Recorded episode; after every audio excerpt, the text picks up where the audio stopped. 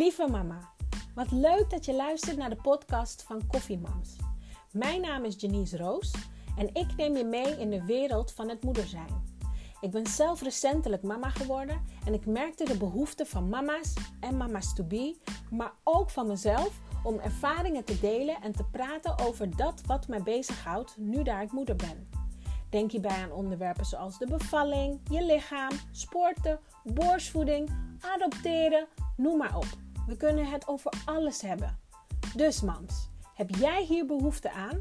Pak er dan een bakje koffie bij, ga heerlijk achterover liggen en geniet. Liefs, koffiemams.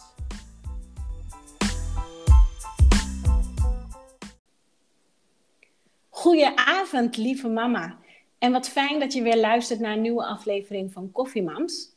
Ja, deze aflevering wordt opgenomen in de avond en dan wel onder het genot van een glas wijn. Ik heb namelijk een gesprek met twee mama's. En deze twee dames zijn ook twee vriendinnen van mij. En ze zijn elkaars zussen. Dus je luistert mee met een echt live vriendinnen slash familiegesprek.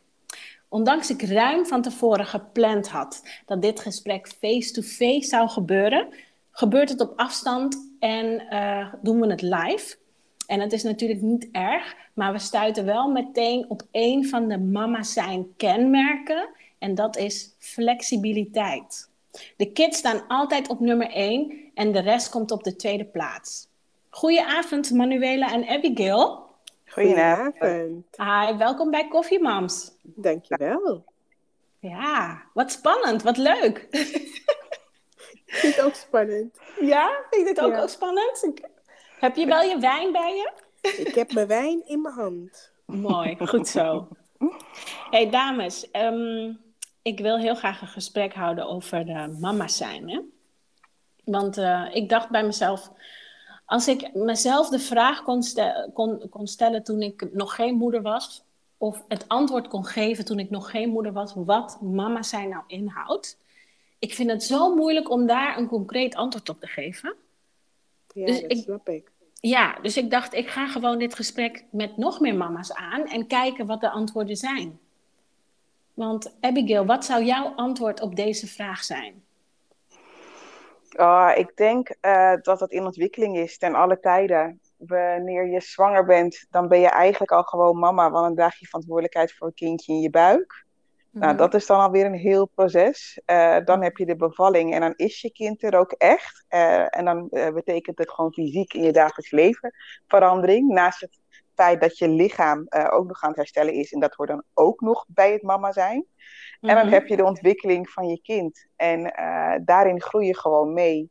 Dus mama zijn is wat mij betreft een ontwikkeling. En het houdt niet op. Zelfs als je kinderen de deur uit zijn ja, je bent gewoon voor altijd mama. Ja. Uh, dus, uh, dus ja, ik, in één woord kan ik het niet uitleggen, want ik zit er zelf helemaal middenin. Ja. En soms denk ik, ik heb het onder controle. En op andere momenten denk ik, mijn god, wat ben ik nou weer allemaal aan het doen? Dus ja. het is ook nog eens uh, super uitdagend. Ja, Oké. Okay. Zeker. ja. um, kun je een beetje vertellen, wat, uh, hoe ziet jouw gezin eruit? Nou, ik uh, ben getrouwd uh, en ik woon samen met mijn, uh, mijn man en mijn twee kinderen. Mm -hmm. Solen, die is afgelopen woensdag is zij drie geworden. En ik heb nog een zoon, Myron. Mm -hmm. en hij is zes en wordt volgende maand zeven. Oké. Okay. Ja. Oké, okay. mooi. Mooi gezin. Klinkt, klinkt gebalanceerd, zeg maar. Een zoon en een dochter.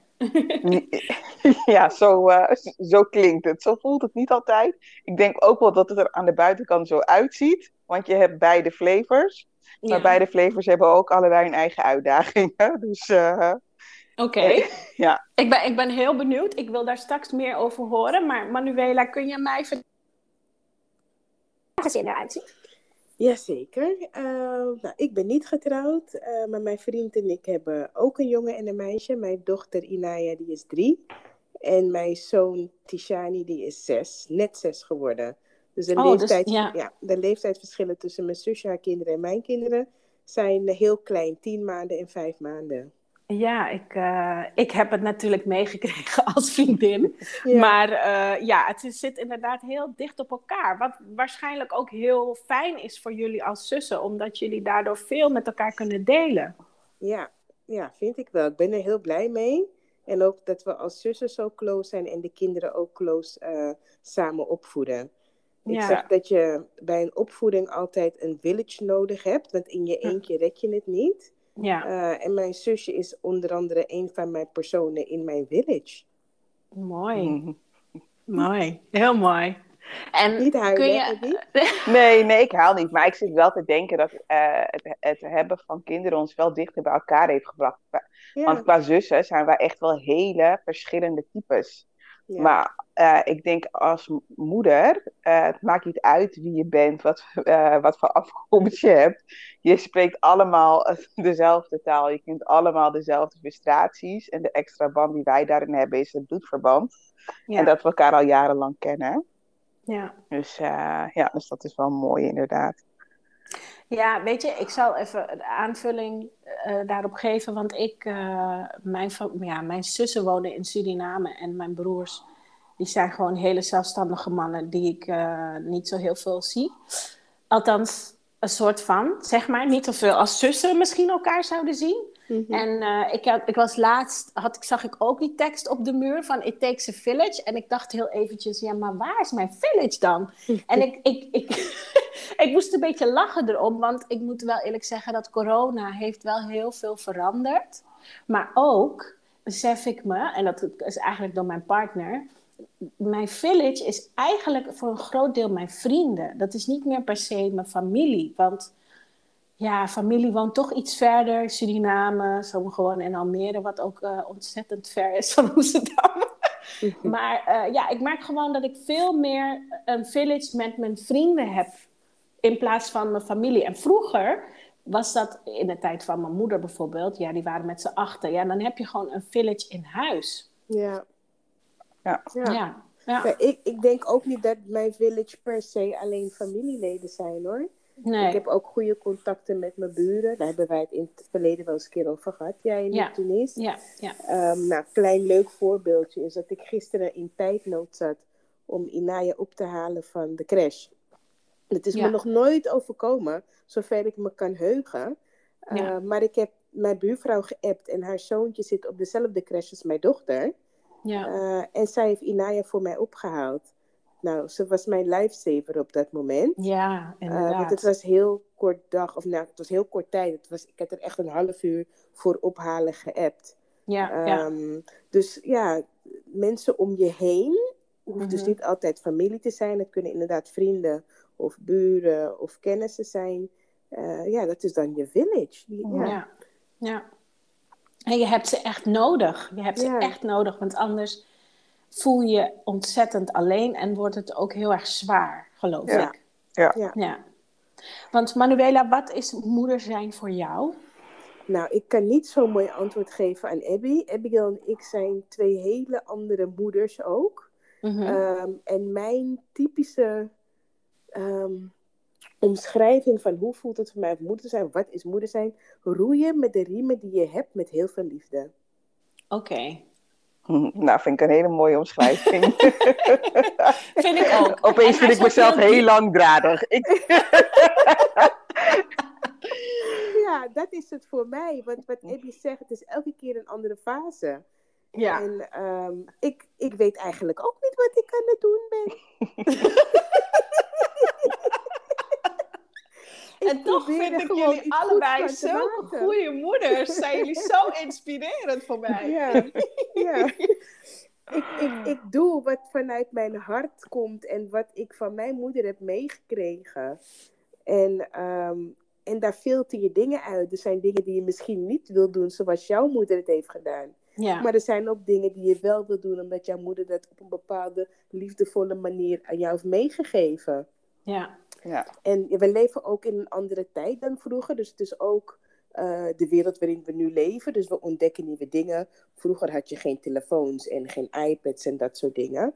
Ja. Uh, dus dat is voor iedereen nieuw. En ook voor mij als moeder. Ja. Ja. Ja. Want is er, is er veel wat je mee hebt genomen vanuit je moeder? Of zijn het maar een paar dingetjes? Of... Ik heb er eigenlijk nooit zo goed bij stilgestaan. Wat hmm. ik precies van mijn... Het, wat ik alleen kan aangeven, dat ik zeker weet wat ik van mijn moeder heb meegenomen, is de indeling van mijn kastjes in de keuken. Oké. vreemd, genoeg zijn die bijna exact hetzelfde als bij haar thuis. Ja. En in de opvoeding denk ik praten. Oké, ja, moeder sprak ook veel. Ja, praten. Uh, betekent niet dat er uh, geen taboes waren, maar mijn moeder hield wel van praten. Mm en dat doe ik ook wel veel. Mm Dus dat is denk ik één voorbeeld wat ik wel kan aanstippen. Ja. En zie jij dat anders? Heb jij een ander voorbeeld? Of zeg je van nee? Ja, maar ik, ik kijk meer een beetje naar hoe, de, hoe mijn moeder gewoon um, ja, wat, wat zij belangrijk vond om ons mee te geven. Bijvoorbeeld het uh, uh, sporten, gezond eten, eten. Ja. we hebben altijd op, op, sport gezeten. Dus ik dacht, oh, mijn kinderen moeten ook echt op tijd ehm, gaan, gaan sporten. Niet sporten, ik kan er niet eens aan denken dat we nu niet op een sport zouden zitten. Om maar even zo te zeggen. Dat de kinderen nu aan het, lezen, aan het oefenen zijn met lezen. Dat we iedere avond een boekje aan het lezen zijn. En kijk, vanuit school krijg je ook wat te horen. Is belangrijk om te doen. maar ik was echt al aan het lezen vanaf dat de kindjes baby's waren. Eh, omdat mijn moeder dat ook al ehm, eh, bij ons deed. En we ook zagen hoe zij dat met anderen deed. En dat aan het door aan het vertellen was van andere uh, familieleden die ook kinderen hadden. Ja. En ook als het bijvoorbeeld gaat om taakjes in huis, hè, verantwoordelijkheid nemen, zelf je kamer opruimen, je tas uitpakken als je van school komt. Ehm, dat soort kleine dingetjes denk ik, ja, dat heb ik wel, wel echt van mijn moeder. Dat ik echt na ging denken, hè, wat deed ik allemaal al op deze leeftijd? Ja, uh, En dan ga ik dan naar mijn zoon kijken, van ben ik hem dan aan het verwennen? Dat zijn weer even onzekere momenten. Dan denk ik, oh nee, nou, hij is uh, zes, hij moet het niet wel kunnen. Nou, dan gaan we dat oefenen, weet je wel? En dan mhm. maak je daar een, een, een, ja, een standaard structuurtje van, dat hij steeds meer verantwoordelijkheid krijgt om de dingetjes, steeds meer wat kleine dingetjes zelf te gaan doen. En mijn ja, dochter ook. Ja. ja, ik vind het heel mooi dat je dat zegt, omdat ik ben, terwijl ik deze vragen stel, denk ik dus ook over mezelf na. En in de eerste instantie wil ik zeggen van ja, ik ben echt heel anders dan mijn moeder. Uh, omdat mijn moeder juist niet heel erg communicatief is. En dat ben ik juist weer wel. Maar ik, tegelijkertijd, als ik jou nu hoor over taakjes en zo, dan denk ik, oh ja, ja, maar dat ga ik wel meegeven. Dus ik zit nu ook in een soort van fase waarin ik uh, vooral heel veel mezelf ben en misschien niet zozeer mijn moeder. Kijk, liefde is er altijd geweest. Alleen uh, ik ben heel pedagogisch, zeg maar. Ik heb bijna uit de boeken geleerd hoe je een kind moet opvoeden. En, en die liefde, die, die is er gewoon. En mijn moeder heeft dat juist niet. Zij heeft het juist gewoon van uh, de broers en de zussen bemoeien. En vader en moeder, die bemoeit ook mee. En, en uh, ja, om een voorbeeld te geven is dat ik... ik kan me echt herinneren dat mijn moeder opsporing verzocht keek, waar ik bij zat. En dan mm. lag ik bij haar op de schoot. Nou, ik was doodsbang. Want dat, dat kan een kind helemaal niet aan. Weet je wel? Ja, dat zou ik dus echt nooit, never doen met mijn zoon. Weet je? Dus ja, dat soort dingen denk ik, ja, nee, maar daar ben ik echt wel bewust van. En mijn moeder was daar denk ik helemaal niet bewust van dat, dat ik dat al zo in me opnam, weet je wel. Ja. Ja, maar ja, ze was weer wel wat jij zegt van die taakjes, zelf bed opmaken. En dat ik wel eens kinderen op school had die dat niet hoefden. En dat ze dan zeiden, ja, jij wordt echt mishandeld. Zei ik, nee, jij, jij bent gewoon lui, weet je wel. dus ja, ik was gewoon heel vroeg zelfstandig. Ja. Dus uh, mooi om te horen dat jullie dat, uh, ja, dat je, dat je dat ziet, dat dat vanuit je ouderlijk huis komt eigenlijk. Ja. Ja, ja, en ik net alles. En toen dacht ik, oh ja, nee, dat klopt, dat doe ik ook. Ja. Dat doe ik ook. Maar ik kan het niet zo goed benoemen als Abby. Nee, maar, dat is inderdaad wel overeen. Ja, maar, daarom hebben we een gesprek met z'n drieën, toch? Precies. En ik denk dat dat, dat iets is wat iedere moeder doet. Hè? Op het moment dat je moeder wordt, ga je reflecteren naar je eigen moeder, hoe dat was. Ja. Uh, en wat wil je er wel van overnemen, wat wil je er niet van overnemen? Op sommige momenten denk je, oh chips, nou kijk toch op haar. Nou, dit had ik niet gehoopt, maar dan doe ik toch precies wat mijn moeder doet. Ja, op het moment dat je in, in, bepaalde emotie of stress uh, uh, schiet. Alleen denk ik wel dat je er wat sneller bewust van bent en dat je er wat concreter aan kan, kan werken. Word je dan de perfecte moeder? Ik weet het niet. Ik denk die bestaat niet. Ik denk dat zolang je het met liefde doet, dan zit je sowieso wel wel goed, maar je moet ook gewoon, gewoon durven fouten te maken. En uh, ik denk als ik bijvoorbeeld zou denken, wat wil ik bijvoorbeeld niet van mijn moeder overnemen, terwijl ik dat soms dus nog steeds wel doe, is dat mhm. als, um, als ik bijvoorbeeld vraag, ik zou mijn moeder ging vragen, dan was, ik, was je wel meteen brutaal. Het antwoord is gewoon nee, ik ben je geen uitleg schuldig. Ik heb geantwoord en daar moet je het mee doen. Of het antwoord was gewoon de blik. Ja. Nou, de blik is, do not do that. Als ik de blik doe bij mijn zoon, dan zeg je, ja, maar waarom kijk je zo? en dan denk ik diep van binnen, mijn moeder had nu gezegd, je bent echt brutaal. Snap je? Ja, dus, ja, ja, ja. Ja, ja. En dat, dat verandert ook gewoon, hè? 2021. Ja, dat verandert. Kinderen willen uitleg. Ja. En ze krijgen uitleg. En aan de ene kant, ja, het zijn ook gewoon individuen die heel slim zijn. Uh, dus ze begrijpen het wel. Ja. ja. En soms vergeten volwassen mensen dat kinderen heel veel begrijpen. Ja.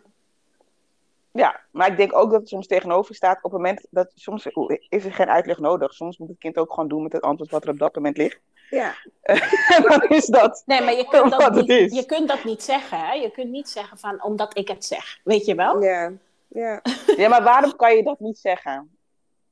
Ja, ik, ik, ik heb het gevoel dat, dat het niet, uh, niet verantwoord is of zo. Ik weet niet. Wat, en ja, ik weet ik, Kijk, weet je wat het is? Ehm, sommige ouders van de vroeger, die zijn een beetje de baas over een kind. En mhm. dat is niet meer van nu. Je kunt niet meer een baas zijn over een kind. Je kunt niet zeggen, omdat ik zeg, moet je luisteren. Nee, waarom leg je dat kind niet uit waarom het niet zo kan? Of waarom, waarom jij dat belangrijk vindt? Of weet je, waarom het gevaarlijk is? Al dat soort dingen. Zodat, oh, oké, logisch, dan kan je kind erover nadenken. Maar als je zegt van, ja, ik wil dat je dat doet omdat ik dat zeg... Ja, is lastig hoor. Want dat hebben wij uh, wel op een andere manier in onze tijd meegekregen. Ik zat laatst in de auto met de twee koters van mij. En um, ik, zei, uh, ik zei wat en toen zei Inaya, maar waarom dan? Toen zei ik daarom. Toen zei Tishani, daarom is geen reden. En toen dacht ik, wat zeg ik nu? Ja. dus ja, op dat moment willen ze dus meer uitleg en nemen ze dus geen genoegen met daarom. Ja, en ja. de ene keer um, ben ik me er bewust van en denk ik, oké, ik moet even de tijd nemen om ze dit uit te leggen, zodat ze het begrijpen en ook um, tussen haakjes doen wat ik zeg. Of nee, begrijpen waarom ik iets zeg en dat ze dus ook hun gedrag daarop kunnen aanpassen. Maar je mhm. hebt niet altijd um, dat geduld of, die tijd, of de tijd daarvoor. um, of het, de zin daarin. En dat is, want, uh, ja, dat is wegen en wikken. Ja, want ik heb meteen een vraag. Um, uh, even kijken hoor, hoe ik hem ga formuleren. Wat wenste je dat iemand tegen je had gezegd voordat je moeder werd? Dus wat had je graag hmm. willen weten? Um, ja, het hangt ook een beetje samen met, komt het overeen met wat je had verwacht van mama zijn? Ik had geen verwachtingen. Ik, toen, ze, toen ik zwanger was van mijn zoon, toen dacht ik, het enige wat ik eigenlijk dacht is van, ik krijg verantwoordelijkheid over een hummeltje. Mhm. Ehm, en ik moet dat heel veel liefde geven. Maar ik liet wel open, ja, en ik wil dat, ja, ik wil dat mijn kind um, uh, het al het beste meekrijgt. En ik wil dat, die dat hij uh, een, uh, hoe noem je dat, een, een ontwikkeld individu wordt, maar ook beschermd, wordt opgevoed. Uh, maar een, verwacht, ja, een verwachting bijvoorbeeld over zijn gedrag of wat dan ook, ja, dat had ik niet echt. Nee, maar ik, be ja, ik bedoel ook niet per se zijn gedrag, ik bedoel meer jouw rol. Mijn rol als moeder. Ja. Ja. Heb jij daar een antwoord op, Abigail? Of ja, ik denk dat ik ik vind het een lastige vraag. Want moeder zijn is, wat ik al net hè, bij toen je al eerst vroeg, van wat houdt moeder zijn in? Dat is zo breed. En um, ik denk, wat had ik willen weten? Um, ik denk dat het lastig is, want wat had ik willen weten? Toen was, op dat moment was ik dus ook nog geen moeder. En uh, waar je eerste proces wat je doorgaat is, is, je, is je zwangerschap. En dan mm. ga je niet meteen denken, oh, wat als mijn kind straks 18 is of zo, weet je wel? als nee, straks, uh, dus, dus dat maakt het, uh, maakt het een beetje lastig. Kijk, ik heb wel een, een achtergrond in, uh, in mijn werk, hè, als het gaat om het begeleiden van moeders en dat soort dingen. Mm -hmm. En um, wat ik wel um, heb onderschat. Kijk, ik, heb, ik ben altijd ontzettend goed in het advies geven ehm, van anderen. Ik was er ook heel goed in toen ik nog geen moeder was. Ehm, maar eh, toen ik eenmaal zelf moeder was, ben ik er toch wel echt anders naar gaan kijken. Want um, leuk hoor, al, al die pedagogische medewerkers die met supergoeie adviezen komen, die op dat moment werken en zeggen: kom op, volhouden en doorzetten. Klopt allemaal. Maar als je zelf moeder bent, dan zit je daar met je emoties. Je zit daar met je hormonen. Uh, hè, ben je net met je uh, slechte been uit bed gestapt? Ben je de hele nacht wakker geweest omdat je kind niet lekker heeft geslapen? Um, dus dat, dat zijn allemaal dingen die erbij komt kijken. En ik kwam er dus voor mezelf achter dat ik het soms ook gewoon niet wist. En ik had altijd van ja, maar ik moet het toch gewoon weten. Uh, en op een gegeven moment heb ik me daar gewoon in berust. En ik dacht, nee, dat hoeft helemaal niet. soms nee. weet je het niet. Soms is het gewoon echt eventjes uh, kut. En dat mag. En dat is ook oké. Okay. Het is niet ja. altijd die roze wolk. Mm. En um, ik dacht ook altijd, oh, als, ik, uh, hè, als mensen bij mij thuis komen, moet alles helemaal top op orde zijn. En alles moet helemaal netjes zijn. En dat zijn ook van de dingen waar ik echt van af ben gestapt. Ik denk, nee, in mijn huis wordt geleefd. En uh, als het bij de anderen helemaal strak is en de kinderen zijn, respect dat jij dat zo kan en doet. Uh, maar ik, uh, ik heb mijn andere, andere kwaliteiten. En het is niet erg. Hè? Ik zeg niet, het een is niet beter dan de, dan de ander. Maar ik ben wel opgegroeid met bepaalde normen en waarden. Van hoe moet je huis eruit zien. Ja. En hoe moet je mensen ontvangen. En dit en dat en zo en zo.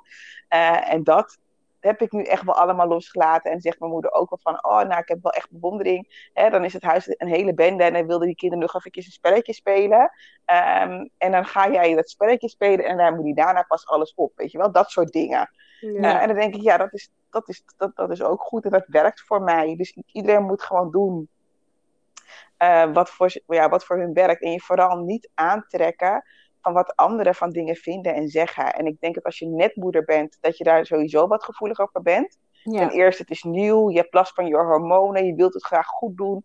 Je voelt zo'n grote verantwoordelijkheid. En het ja. mooie is dat dat op een gegeven moment af gaat nemen, want je wordt alleen maar zelfverzekerder. Zelfs met mm -hmm. alle ups en downs die er zijn. Zelf als je het niet weet, ben je zelfverzekerd, want je weet dat je het even niet weet. Is prima. is prima. Ja. Niks mis mee. Ja. Nou, dat vind ik ontzettend mooi gezegd. Ja. En ja ik, ja, ik denk ook een beetje terug. naar Mijn zoon is een stuk jonger dan jullie kinderen. Die is uh, anderhalf, of nou ja, de helft van jullie dochters dan. Ja. Mm -hmm. En uh, het is heel herkenbaar wat je zegt, inderdaad. Want ik kom uit een hele andere fase. En um, ja, toen, ik denk zeker wel, het eerste jaar was ik een soort van. Als ik er nu op terugkijk, besef ik me hoe instabiel ik was in mijn emoties toen dacht ik dat ik eigenlijk wel oké okay was. Maar nu denk ik, nou, ik was helemaal nog niet mezelf. Ik was helemaal nog niet geland op aarde. Ik was ergens aan het zweven of zo. Ja. Omdat ik gewoon, ja, ik ging helemaal mee in alles. En in, inderdaad, de, de het feit dat je in de nacht wakker bent. Uh, ik, ik kon niet, laten we het zo zeggen, ik kon niet eens behoorlijk een maaltijd koken. of gewoon iets afronden. Of gewoon normaal een douche, een normaal douchen of zo. Weet ja. je? Het is yeah. altijd gehaast. En het is altijd. En alles moest ik uit handen geven. Ja, Oké, okay, we hebben een schoonmaakster nodig. En we hebben Hello Fresh nodig. En uh, terwijl dat, dat, ik vond dat heel erg dat ik dat nodig had. Maar nu denk ik ook van ja, het is een geweldige uitvinding. Maar zeg maar, alles wat ik inderdaad vanuit waarden en normen had geleerd om zelf te doen en wat op orde moest zijn, dat kon ik nu niet meer fixen. Want ja. alle aandacht en energie ging naar hem. Ja, en ja, tuurlijk, als ze ouder worden, hè, als ze op een gegeven moment drie jaar worden of zeven worden, dan is er veel meer ruimte voor. Dan kun je langer in de keuken staan. Dan kun je iets meer, misschien iets meer tijd voor jezelf nemen. Ik weet niet of ik nu iets invul wat niet klopt. Dat weten maar, jullie. Ja, je moet, het maar, je moet het maar hopen. Kijk, weet je wat het is? Ik denk dat het grootste verschil er is op het moment dat je, als je, een, als je, als je net bevalt van je eerste kind, dat is life changing klaar. Ja. Dat, dat, is gewoon zo. Maar op het moment dat je tweede kind erbij komt, uh, moet hij gewoon met de, met de flow mee. Want er is ja. al een soort structuur. Ja, er is gewoon wat minder ruimte. Ik denk ook dat je wat, wat sneller back to earth uh, gaat. Want je andere kind heeft ook nog behoeftes. En uh, het oudste kind heeft aandacht en, en, en, dingetjes nodig. Ja. Um, en of je dan meer, meer tijd hebt, dat, dat, ik weet dat niet precies. Het is ook waar je zelf je prioriteiten in, uh, instelt. Als je gewoon maar doet wat voor jou goed voelt natuurlijk. -hmm. um, maar er is wel een bepaald gewoon regime of zo. Wat bij mij dan. Er is gewoon een, bepaald regime. En het is ook een beetje pick your, pick your battles. Hè? Kijk, ik, ik, moest ook zo lachen, want we hadden eigenlijk afgesproken dat we een half uur eerder zouden starten met deze, deze podcast. Ik heb gezegd, nou, ik, ik ben nog een half uurtje bezig. Maar het was ook een pick your battles. Ik had vandaag een ontzettend drukke dag, waardoor mijn dochtertje geen middagdutje heeft gedaan, kunnen doen. Dus dat mhm. heeft ze wat later op de, op de dag gedaan. Toen dacht ik nog, hmm, Weet je, zal ik er niet gewoon wakker houden? En, maar ik was moe. Ik dacht, nee, ik moet nu voor mezelf zorgen.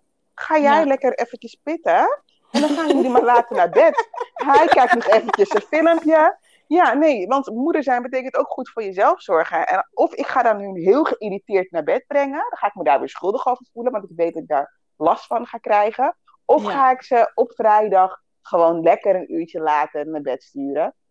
Zeker wetende dat ze moe zijn. Eh, zodat ik van de rest van mijn avond kan genieten. Ja, dus je, je past je ook aan aan hun. En... Ja, ik pas me ook aan aan mezelf. Ja. Het is echt, oh ja, echt ook aan ja, het is een, ja, want ik, ik denk dat je je ook je continu aanpast aan je kinderen. Maar ik vind het ook wel heel fijn als het je lukt om aan jezelf aan te passen. Aan je eigen gemoedstoestand. Dat je het jezelf op sommige momenten een beetje makkelijker maakt. Want dan ben je ook gewoon een leukere moeder. Ja, wel grappig hoe je dat vertelt, Abby. Want bij mij was het dus eigenlijk precies hetzelfde. Maar ik dacht, hoe eerder jullie naar bed gaan, hoe eerder ik een vrije avond heb. Oh ja. ja. ja, en ik denk juist, als jij in de middag slaapt, dan heb ik een pauze. Ik zie het letterlijk als gewoon pauze, weet je, van je werk, dat je gewoon echt pauze hebt. Dus hij moet slapen. Mm Ik slaap, dan heb ik geen pauze. Dan moet ik dus de hele dag doorhalen zonder die pauze, zeg maar. maar wacht maar, mm. tot hij geen dutjes meer doet. Ja, of dat hij... Ja, ja, dat is ook nog een fase, ja. En wij zitten nu in die fase. Heeft het nou wel nodig of niet nodig? De ene keer heeft het niet nodig, de andere keer heeft het wel nodig. Soms denk ik, hmm, misschien als het, als het een extra leuke dag is geweest, dat ze dan wel... Nee, dat, ik weet niet aan wat het ligt. De ene keer heeft het er wel behoefte aan, de andere keer niet. Vandaag zag ik het niet aankomen. Mevrouw wilde opeens slapen om vijf uur, half zes in de middag. nou meid, ga jij even lekker pitten. Ja. En weet je, ik, je had het net over de tweede. Die komt dan in een soort van uh, structuur al, al binnen, zeg maar. Uh, sorry hoor, ik weet, je tweede kindje kwam en er was al een routine. Ja. Hebben jullie gepland, en dan begin ik met Manuela, uh, wanneer nummer twee kwam?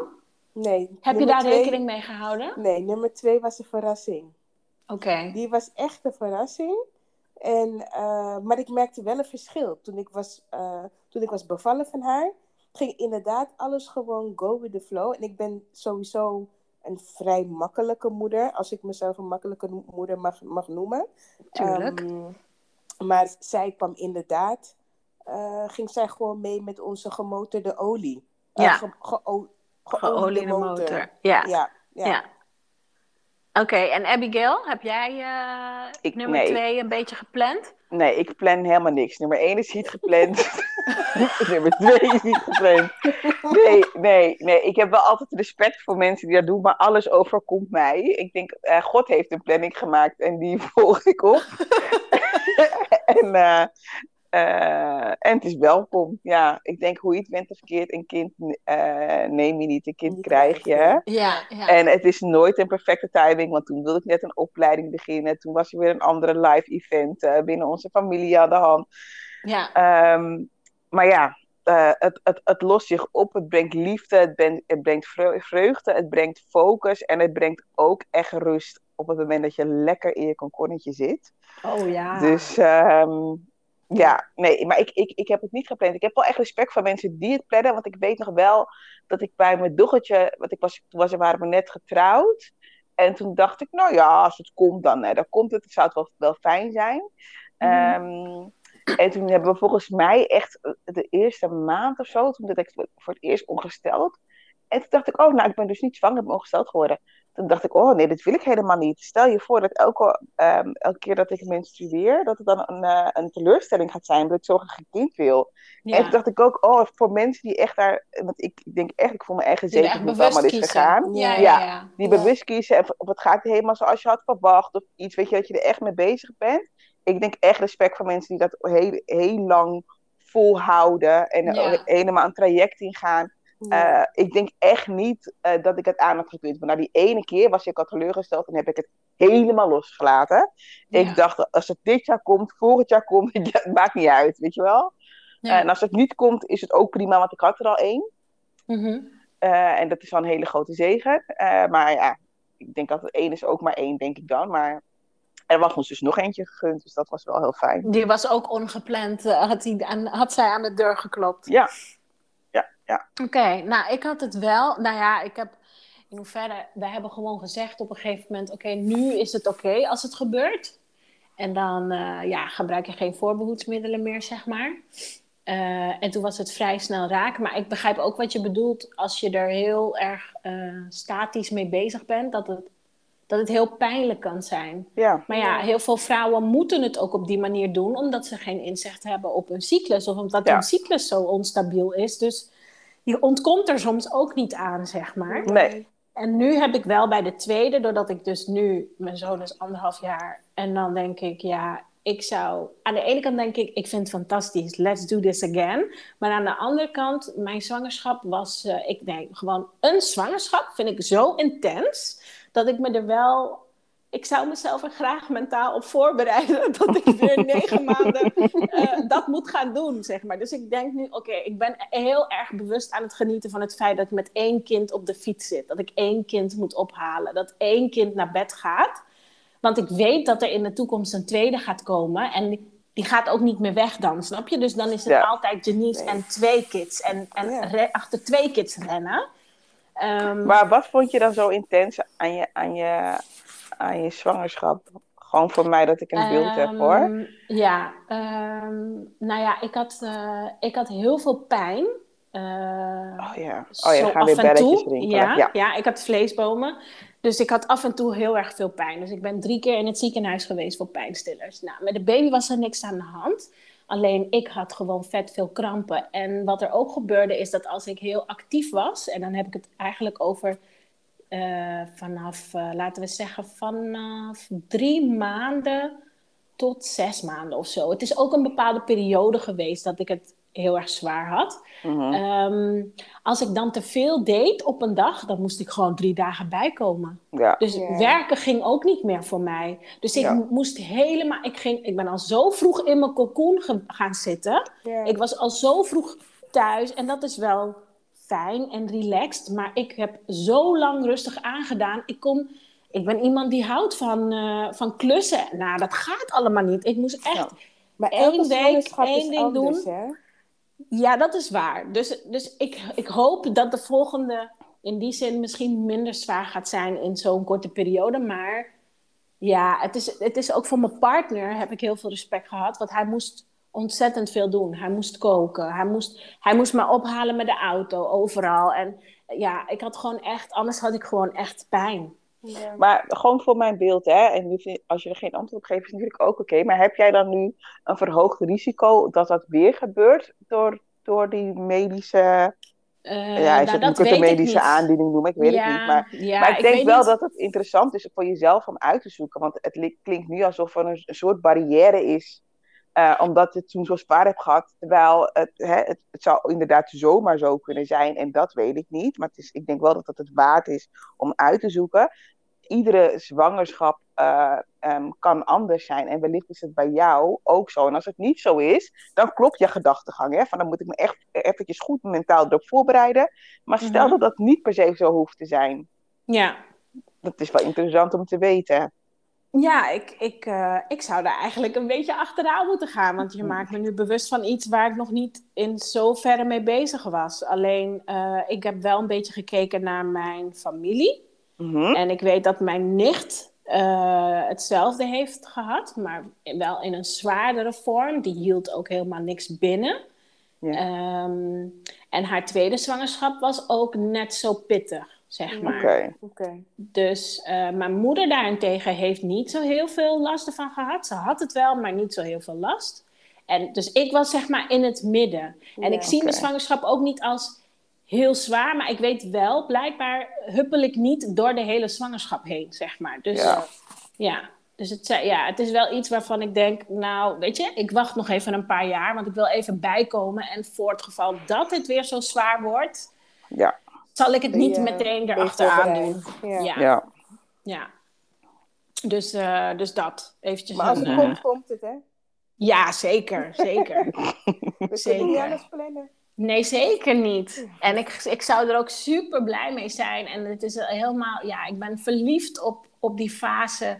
Ook dat de baby zo klein is en dat je net bevallen bent. Ik ben ook verliefd Ja. op de bevalling. En ik vind het heerlijk. Heerlijke periode. Ehm, maar ik kijk ook op tegen gebroken nachten en zo. Ik vind dat echt eh, pff, om de drie uur voeden. Borstvoeding, ja, het is, het is niet ehm, Ja. iets wat je zomaar doet, zeg maar. Nee, het, is, nee. het is intens. Ja. Ja. Maar dan heb je ervaring, dus dan eh, gaat het ook anders. Ja, Ga je er anders mee om. Ja, Ja, zeker. dat is wel echt zo. Ja. Je lichaam denkt, I did this, I'm gonna do it again. Want was die overschakeling van één kind naar tweede voor jullie makkelijk?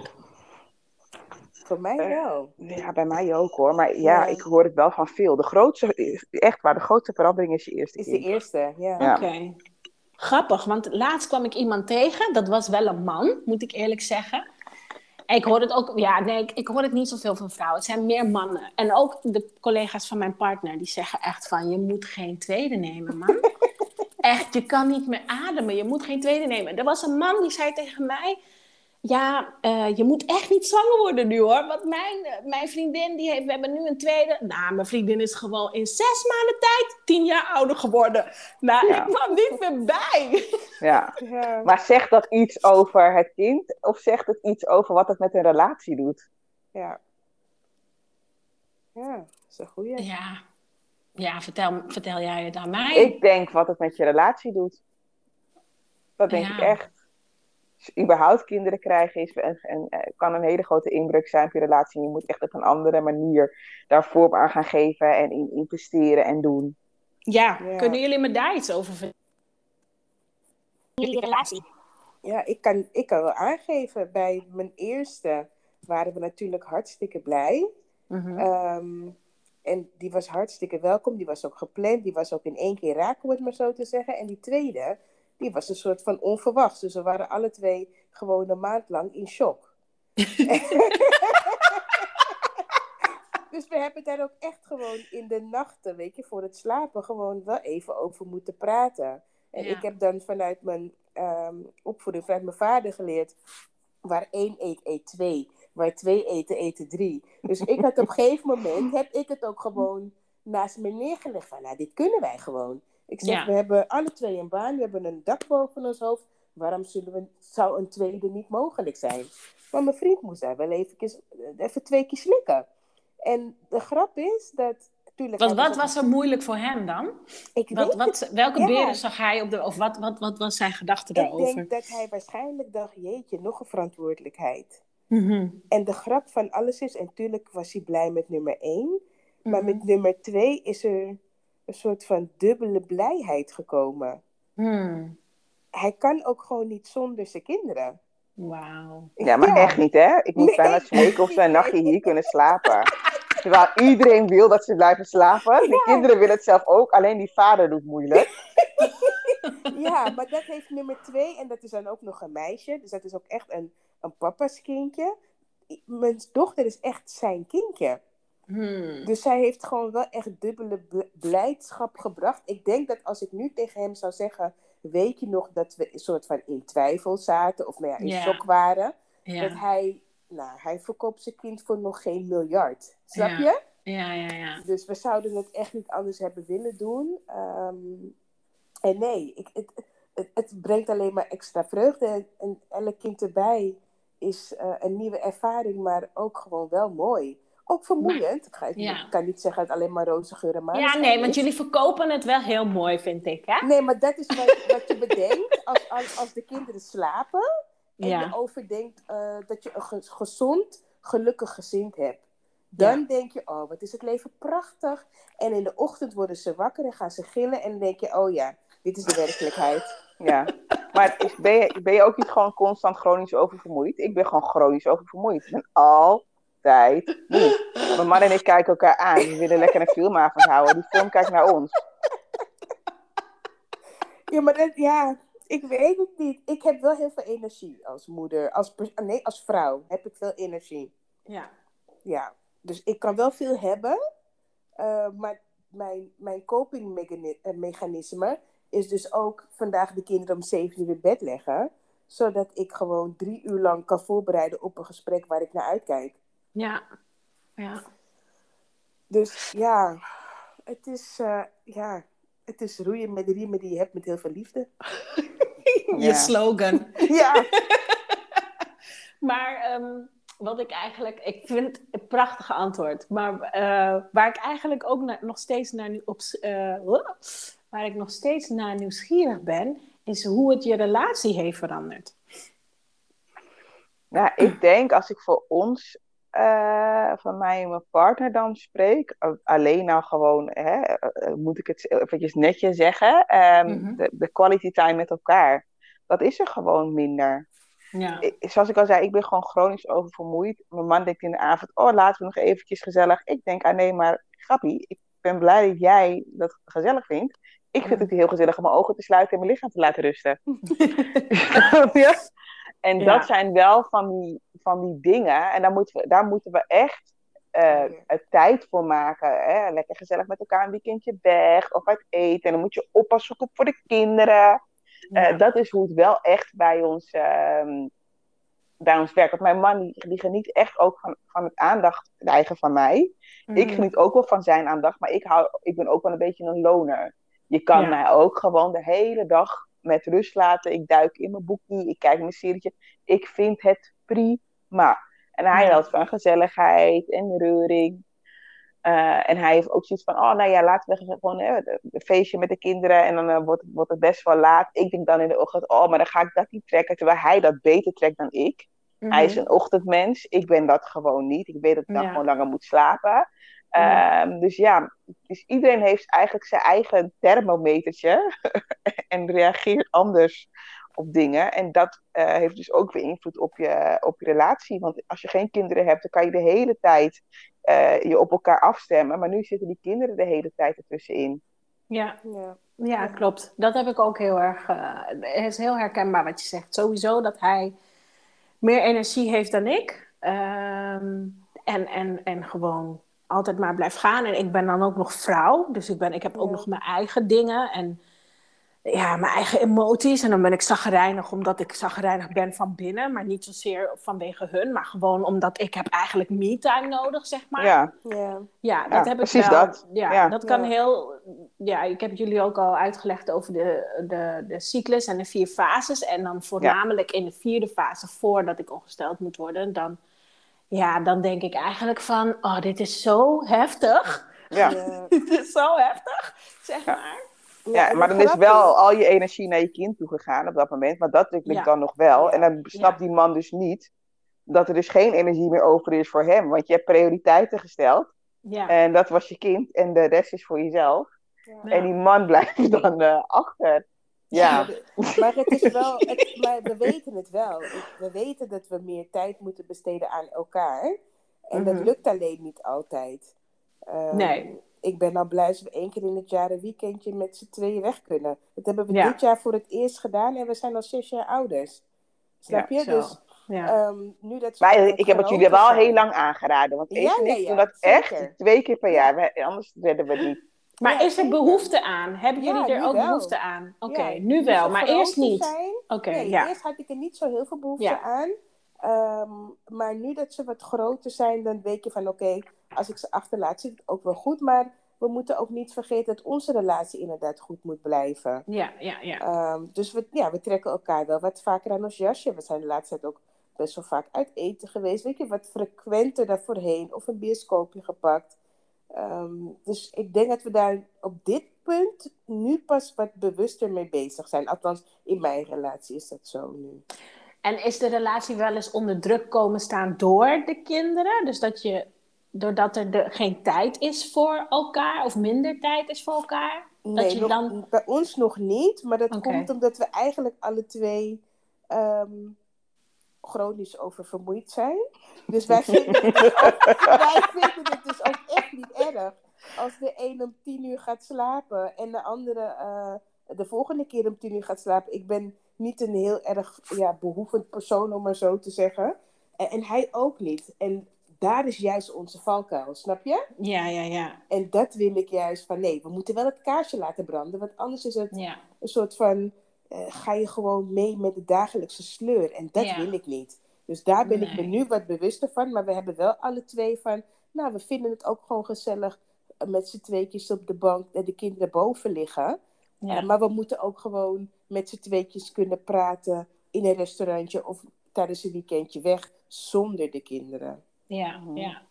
En bij jou, Abby, bij jou is er meer behoefte aan, ook vanuit je partner, zei je al Ja, een beetje? ja, vanuit mijn part, maar ook vanuit mij hoor. Want als, ik, als we eenmaal met z'n tweetjes zijn, dan denk ik, oh ja, dan kan ik er weer zo goed. Ik, oh, dat moeten we echt vaker doen.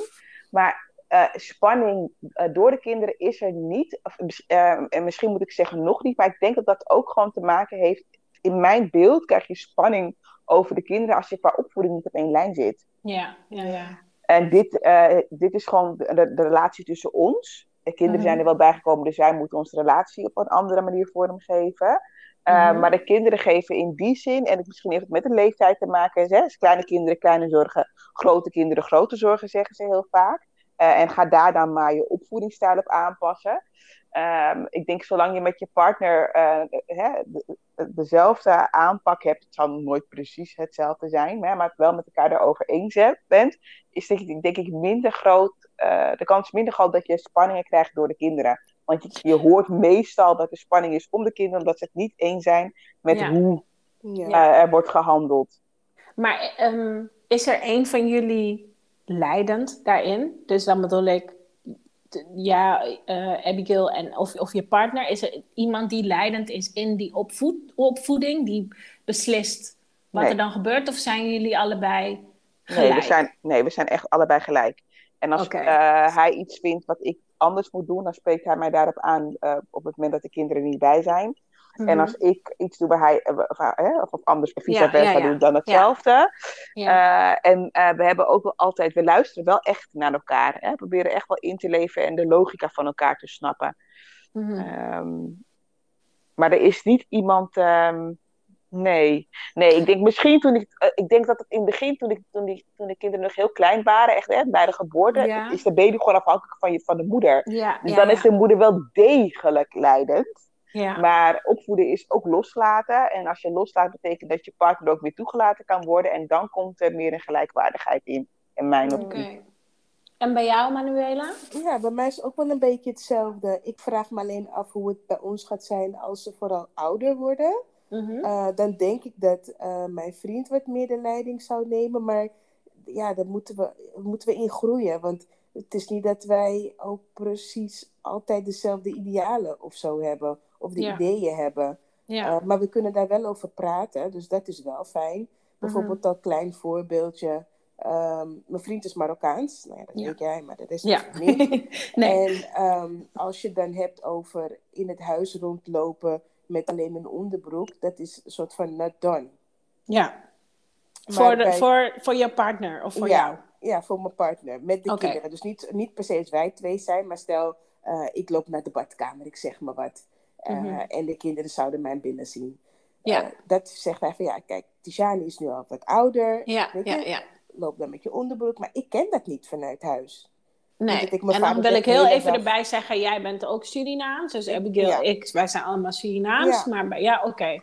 En wij waren Hmm. dan vrij open. En ik zeg dat ik mijn vader de hele dag in zijn naakje zag rondwandelen. Absoluut niet. Nee. Maar eh, we zijn er wel iets vrijer in. Dus toen hebben we bedacht van, oké, hoe gaan we dit doen? Ja. Eh, en toen zeiden we, nou, we hebben een jongen en we hebben een meisje. Ik zeg, ik vind het wel heel belangrijk dat mijn dochter weet hoe een vrouwenlichaam eruit ziet. En Ja. helemaal nu tegenwoordig met al die plastic, fantastic eh, lichamen. ja. eh, dit is een echte vrouwenlichaam. ja. Dus toen hebben we afgesproken van oké, is goed. Ehm, mijn dochter, daar kan ik bijvoorbeeld samen mee douchen. En dan gaan we, weet je, die ziet mij Mhm. gewoon helemaal. En mijn zoon, die ziet mij gewoon in mijn ondergoed. eh, en niet helemaal Ja. naakt meer. Nee, ja. Maar daar moest ik wel aan wennen. Maar het is ook water bij de wijn. Ja. Want, omdat ik dat niet vanuit huis zo eh, heb meegekregen. En hij weer, weer wel. Ja, ik vind je? het prachtig hoe jullie dat hebben opgelost. En, het, Ja. en ik, ehm, ik begrijp hem heel erg goed. En ik begrijp jou ook wel. Maar ik denk dat ik toch iets meer. Ik, ik heb weer meegekregen wat hij heeft meegekregen. Terwijl ik dan weer een andere, ja, een andere cultuur heb en dan dezelfde cultuur als jij. Maar ik ken dat ook van nee, dat, dat, dat is iets wat je eigenlijk niet hoort te zien. Terwijl ik het helemaal eens ben met wat jij zegt. Maar het is ook nodig voor het beeld van de kinderen.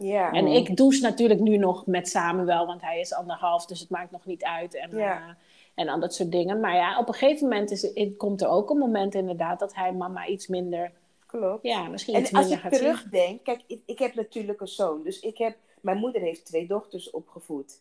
Ehm, ik heb ook nog broers, maar die waren een stuk ouder. Maar ik, ver, ik, ik heb dus de gedachtegang van mijn moeder wat dat betreft. Ja. Uh, van meisje op vrouw.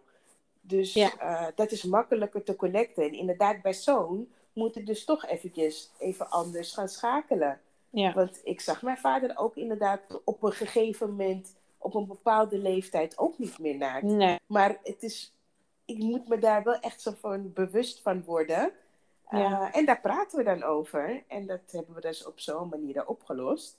Ja. En, dat, en uiteindelijk denk ik, ja, dat is misschien ook wel beter. Want op een gegeven moment wordt hij ook gewoon wel oud. En uh, ja, moet het ook, ook wel een grens zijn. Ja, ja, zeker.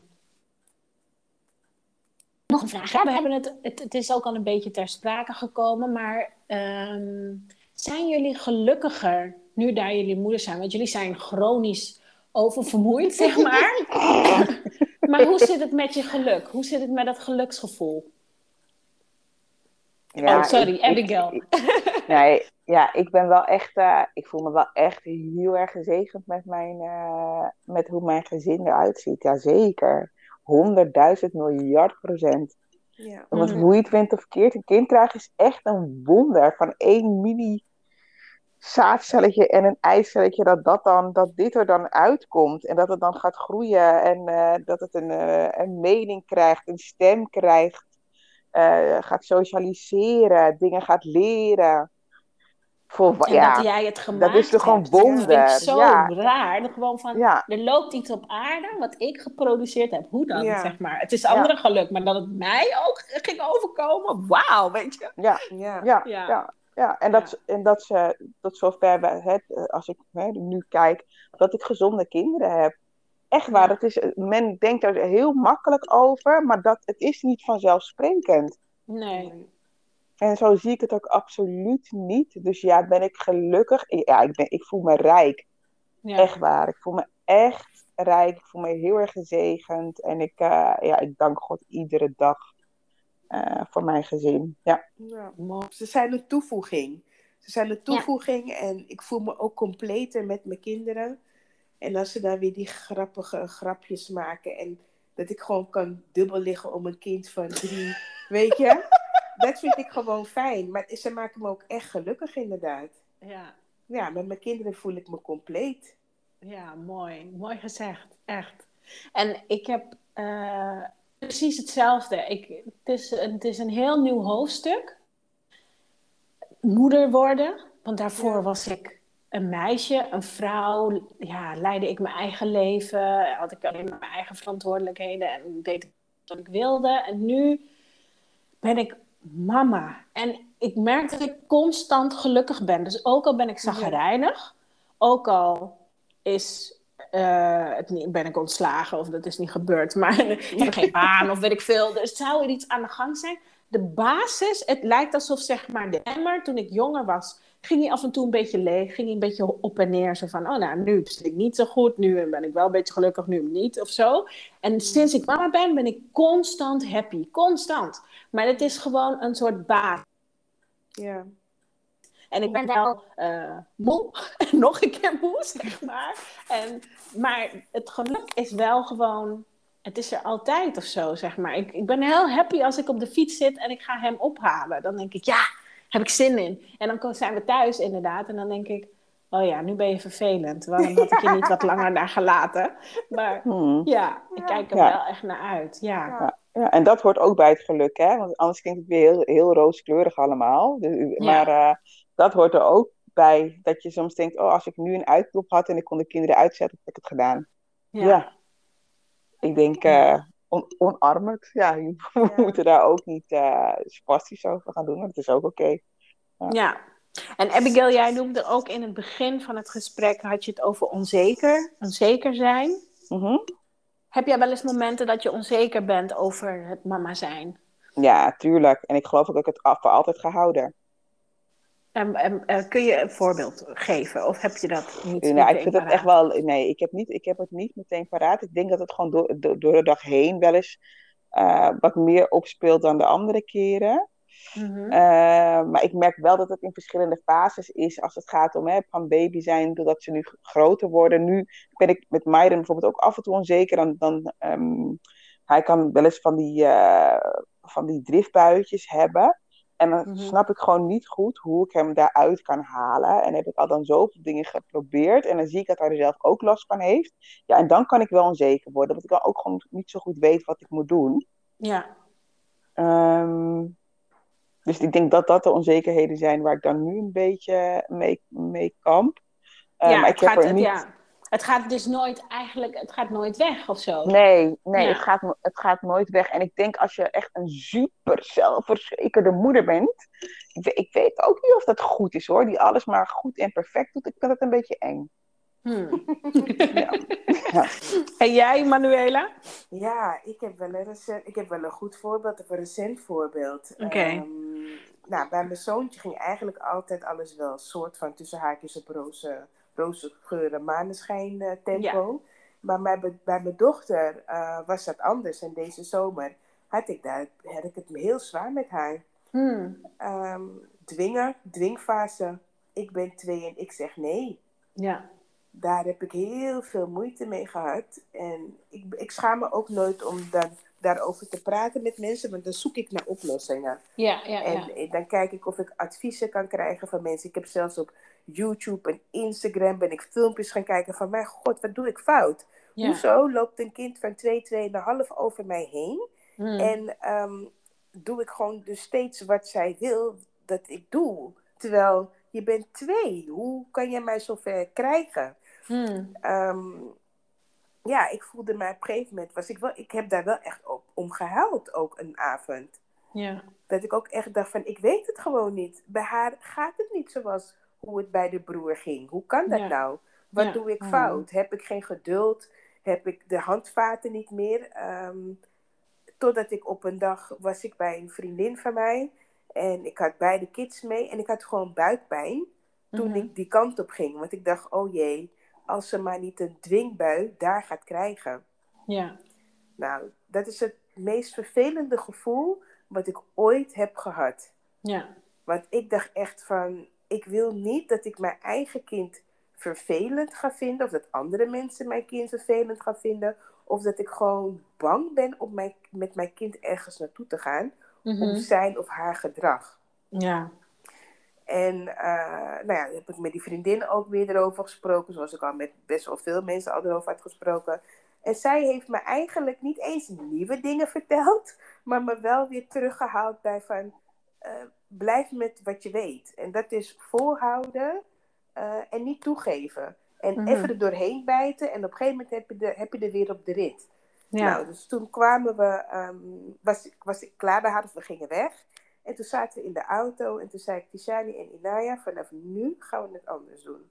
We hebben Hmm. de eerste, tweede, derde waarschuwing. Bij de derde waarschuwing krijgen jullie straf. En het was voornamelijk gericht op me, aan mijn dochter dan. Ja. Ja. Omdat Mhm. zij dan een soort van, in mijn ogen, ja, helemaal buckwild los, eh, weet je, was gegaan. Eh, en misschien dat andere mensen denken, ah, dat valt wel mee. Maar ze had het voornamelijk echt met mij. Ja. Eh, naar mijn vriend luisterde ze, maar mij ging ze gewoon misbruiken eigenlijk. Ja. Ja. Ehm, dus ik heb met haar die dag eh, afspraken gemaakt. En ik heb me tot de dag van vandaag hou ik me daaraan. En ik zie dat haar gedrag ook is veranderd. Ja. En nee is nee. En hou op is hou op. En tuurlijk, een ene keer als ze op de trap moet zitten en ze blijft staan en ze kijkt me heel uitdagend aan, eh, denk ik, oké, volhouden. En soms ben ik er tien minuten mee bezig en soms ben ik er twee minuten mee bezig. Maar ik blijf wel volhouden nu. Ehm, ja, dus volhouden. En Ja. ze zeggen het, het is heel cliché, het is een fase. Maar Ja. toen dacht ik echt, steek die fase maar in je, weet je? ja. Ja. Het was een lange fase. Het was een lange fase. Ik, ik moest verandering brengen aan die fase. Ja. En dat drong niet tot mij door. Dat ik de persoon was die uh, haar eigenlijk toeliet om zich zo te gedragen. Ja. Dus uh, ja, ik ben blij. Maar gisteren bijvoorbeeld heeft ze nog straf. Ik heb heel veel recente voorbeelden. Gisteren zat ze dus nog, had ze straf, moest ze op de gang zitten. Ja. En toen zei ik, als jij niet gaat zitten op de trap, maak ik de deur dicht. Want als zij de deur open wil, dan moet zij zitten. Maar Mhm. bij ons is het dus altijd een soort van spelletje. Ga ik wel zitten of niet zitten? Of bij haar. Ja. Weet je hoe zij ging zitten? Zij ging heel rustig naar beneden zakken squatten, weet je wel? Ja. Net de, de, de trap niet aanraken. En dan keek ze me recht in mijn ogen aan. Heb je een beetje een, een, een voorbeeld hoe dat eruit ziet? Ja, Mhm. ja, ja. Nou. Dus Maar echt testen, hè? Echt Ja. kijken van hoe ga Ja. ik. kan jou, ja. Alsof ze boven de wc-pot aan het zweven was, Ja. zweefde ze boven de trap eh, treden. En uiteindelijk is ze gaan zitten. Ik heb het gewonnen, maar het duurde wel lang. ja, maar dan is Ja. de vraag: is, is, dat het, is dat een probleem? Ja, want de afspraak is nu, je moet zitten als je straf hebt. Want als ik me daar dus niet meer aan hou, loopt Ja. ze weer over me heen. En dat Ja. testen is dus proberen om weer over me heen te lopen. Dus ja, Ja. dan hou ik wel vast. Want als zij Hmm. dan even twee minuten op de trap netjes heeft gezeten en ik loop weer naar haar toe, want daarna praten we het altijd uit. Ehm, zegt ze, mama, zullen we praten? Zeg ik, is goed, we gaan praten. Ga ik ook op mijn knieën, Ja. ooghoogte, heel Mhm. pedagogisch. Ik ben niet pedagogisch eh, opgeleid, maar dit heb ik van jou en mijn zusje geleerd. Op pedagogische ooghoogte bes- bespreken wat er is gebeurd. Ja. En dat werkt wel, want ze weet precies wat ze wel en niet mag doen. Ze weet Mhm. het gewoon. ja. Ja, ze, test, geweldig. ze, ze test gewoon. Dus ik Ja. moet eh, gewoon volhouden. En het gebeurt steeds minder. Dus het, het, het gaat ook gewoon beter. En voor Ja. mensen die wel kijken naar je kind als je kind je misdraagt, denk ik altijd wacht maar tot je zelf moeder bent. Ja. Ja, Ja, ja, ja. en ik Ja. vind dat moeders elkaar echt een beetje moeten supporten in plaats van eh, gekkig aan moeten kijken. Elke, elk kind gaat door fases heen. En af en toe ben je echt eventjes eh, de draad kwijt en is je kind hondsdol, om maar even Ja. zo te zeggen. Ja. Eh, Ja, ik kan Ja. me nog heugen dat we een keertje met z'n drieën eh, bij Das Lekker waren in eh, de Rijnstraat, volgens mij. En dat, het, ehm, eh, ja. dat Myron toen eh, in een fase zat. En dat je hem echt uit die winkel hebt gedragen. En eh, er waren heel veel mensen de auto. En ik dacht, ja, ik weet niet. Ik ben, ik ben dus zelf niet heel erg oordelend over moeders. Omdat ik denk, of tenminste niet altijd. Als ik nu dat ik moeder ben, nog minder. Mhm. Maar ik denk, ja, maar je weet toch hoe kinderen zijn? Weet je, je kunt toch niet zo naar een moeder kijken van jij bent het probleem of zo. Of Nee. als je in het vliegtuig zit en kinderen gaan huilen, dan heb je echt zo boze blikken naar je. Denk ik, ben je serieus? Zeg maar. Maar ik ben me daar juist heel bewust van, hè. Dus als ik iemand eh, op straat, een soort van, als ik een moeder zie flippen op straat tegen haar kind, Ja, ben ik dan weer zo'n moeder die naar de toe loopt en zegt, ik begrijp je. mhm. Omdat er, heel, omdat er tien anderen naar haar kijken, die doen alsof ze het niet begrijpen. Ja. Terwijl we begrijpen ja. het allemaal wel. En het hoeft niet te zeggen, dat- het hoeft niet naar de persoon toe te lopen, maar alleen maar een blik. En je knikt van, ik voel je pijn, ik begrijp in welke fase je op dit moment ziet, zit, is al voldoende. Ja, dat denk ik ook hoor. Ja, oké. Ik heb ook weer een voorbeeld van een moeder die in de tram zit en het kind zit eigenlijk heel rustig en is verwonderd door alles wat hij ziet. En die benoemt, mam, kijk, auto. mam." En die moeder, "Eh, zit rustig, hou je mond. Dan Ja. denk ik, ja, dat begrijp ik niet. Dan oordeel ik heel hard. Dan Ja, denk ik echt, jij weet niet hoe je een kind moet opvoeden. Nee, maar we hebben het nu over een kind die dus gewoon de pan uitflipt midden op straat. Ja. Oké, dus de, de, Ja. de, de, hoe noem je dat? De aanval in de Albert Heijn, Ja, liggen in het pad en zo. Ja, ja, ja. ja. Dat, Ja. Die fase bedoelen we nu. ja. Want dan word je inderdaad echt nog wel eens vaak scheef aangekeken. Van ja, moet je niet wat doen? Terwijl je kan ook gewoon naar de persoon knikken van... Ik heb die periode ook gehad. Ja. ja. Het, komt, het Ja. gaat wel weer voorbij. Ja. Zet hem op, weet je wel? Ja, ja, dat iemand langskomt en zegt, hè, volhouden wij. Dan denk je, oké, Ja. gelukkig. Ja, toch? geef je echt weer een beetje kracht. Ja. Ja, ja. Ja. Ja, en ik denk sowieso, hè, we moeten sowieso niet, niet, niet uh, we, kijken, men, de mensen is altijd geneigd om een oordeel te geven over iets, om zelf een inschatting van iets te kunnen maken. Maar ik denk wel, we moeten daar echt wel voorzichtig in zijn. Zelfs die moeder die tegen haar kind scheelt in de tram, we weten niet of zij tien minuten daarvoor een heel nagesprek heeft gehad en daardoor haar koekje op is. Ja, dat is waar. Ja. Ehm, nee, maar ik snap wel dat het door je hoofd heen gaat hoor. Maar ik dacht, ja, ik, ik, ga het toch wel even zeggen, want je, je, je weet het niet. Je weet niet hoe diegene's leven eruit ziet. Je weet niet wat er net is gebeurd. Je weet niet of het straks dus ook heel goed gaat herstellen. En zegt, hé, hey, nou, mama zat net niet lekker in haar vel. En dit en dat. want je mag fouten maken. En uh, je hebt altijd wel weer de kans om het te herstellen. Want soms ga ik ook uit mijn plaat en denk ik, oh mijn god, ik moet nu echt even met uh, Maiden gaan praten. Ik was echt te ver gegaan. Ja. Ja, ja, ik ook. Ik ben ook uh, een kindje van anderhalf, denk ik. Ja, uh, ik weet het niet goed. En dan flip ik en daarna denk ik, oh shit man, je had gewoon last van je tanden. Ja, dan kan ik echt huilen. Dan kan ik echt, echt huilen om, om mijn eigen gedrag. Dan denk ik echt, dan wil ik echt tegen mijn partner zeggen, als ik te ver ga, dan moet je gewoon zeggen dat je... je dus ja, ja, hij zegt nee, maar het is heel begrijpelijk. Maar in ja, ik maak mezelf al helemaal kapot, zeg maar. In de zin van nee, je had geduldig moeten blijven. Ja, dus en het is op dat moment niet gelukt, want je bent moeder, maar je bent ook gewoon mens. Ja. Ja. Oké, lieve dames, ik denk dat we moeten gaan afronden. We zitten al op 67 minuten. En ik kan echt nog langer met jullie praten. Um, Heb je al je vragen ehm, kunnen stellen? Nou, eigenlijk niet. inderdaad nog even doorgaan. ja, zeker. Er is één vraag die ik zou willen stellen. En ja, misschien eh, wel alle antwoorden die jullie gegeven hebben, dat is al een algemene antwoord op deze vraag. Maar misschien kan het nog iets specifieker. Wat leert ouderschap jou over jezelf? Oeh, Abby, dat is voor jou. zijn. Dat is voor jou. Uh, ik denk dat je, dat je letterlijk een spiegel wordt voorgehouden. Ja. Letterlijk waar. De kinderen doen precies wat je doet. Hm. Kennen je door en door. Maar uh, dus je leert jezelf beter kennen. Zeg je dan nu ook, als je hele rustige kinderen hebt, die heel lief zijn, dat, je, dat, je dan, dat dat ook jouw spiegel is? En als, dat, uh... Ik weet niet over welk kind je hebt, maar dat kind bestaat niet hier, hier op aarde. Oh, Een kind is niet alleen maar lief, een kind zal je altijd uitdagen. En op het moment dat een kind je uitdaagt, houdt hij ook heel vaak een spiegel voor. Dat hij de woorden gebruikt die jij hebt gebruikt en dat soort dingen. Uh, maar ook hoe je met mensen omgaat. Oh, de energie. Uh, ja. ja. echt. Het is echt. Uh, dus ik, ik geloof echt dat je jezelf um, beter dit kennen. Je bent constant op jezelf aan het reflecteren. En dat doe je gewoon om een goede moeder te zijn, en een goed mens te zijn. En dat gaat dat gaat blijven, want een kind blijft zich ontwikkelen.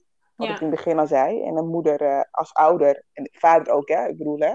We hebben voor moeders, maar ook, ook voor de vaders. Ja. Uh, die zullen meegaan in, in het proces en jezelf elke keer weer opnieuw leren kennen. Hoe was jij op die leeftijd? En, hè? Als je mhm. ook wat herinneringen hebt. Ik kan me nu alweer nadenken van, oh, ik kan me nog herinneren dat ik, dat ik in groep 3 zat en hoe dat was. Nou, weer een, een, een, spiegel voor me. Als mijn zoon dan ook in spiegelbeeld letterlijk aan het schrijven is. denk ik, oh ja, dat deed ik ook. En zijn logica. En hoe, ja. ja, ja, ja. Ja, prachtig dat we dat nog weten. Hè? Dat je steeds weer terug wordt gebracht naar je eigen ja. kindertijd en zo. Ja. Manuela, heb jij nog iets erop aan te vullen? Nee, eh, wat mijn zusje zegt, I fully agree. Het is, uh, ik verbaas mezelf soms, of ik, mijn kinderen verbazen mij, dat ik denk, oh ja, dat zeg ik ook. Oké, nu moet ik opletten. Weet je? Of, oh, ze doen eigenlijk wat ik doe.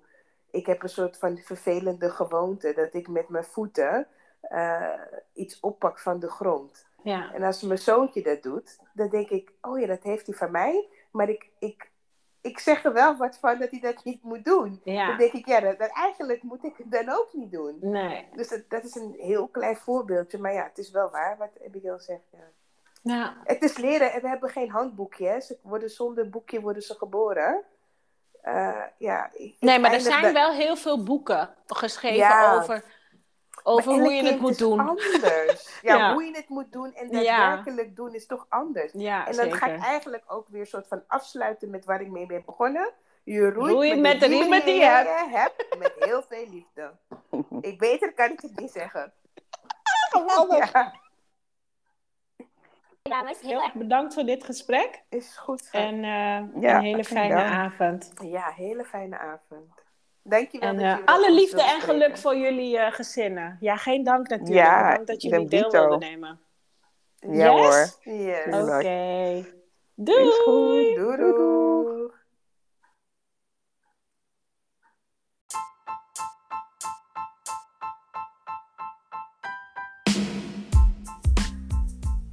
Bedankt voor het luisteren naar deze aflevering, lieve mama. Hopelijk heb je ervan genoten, was het herkenbaar of informatief. Wil je dit delen met andere moeders? Maak dan een screenshot van een specifieke aflevering en deel dit via je socials. Je kunt Koffiemams ook volgen via de Instagram pagina genaamd Koffiemams. Ontzettend bedankt en tot heel erg snel. Liefs, Koffiemams.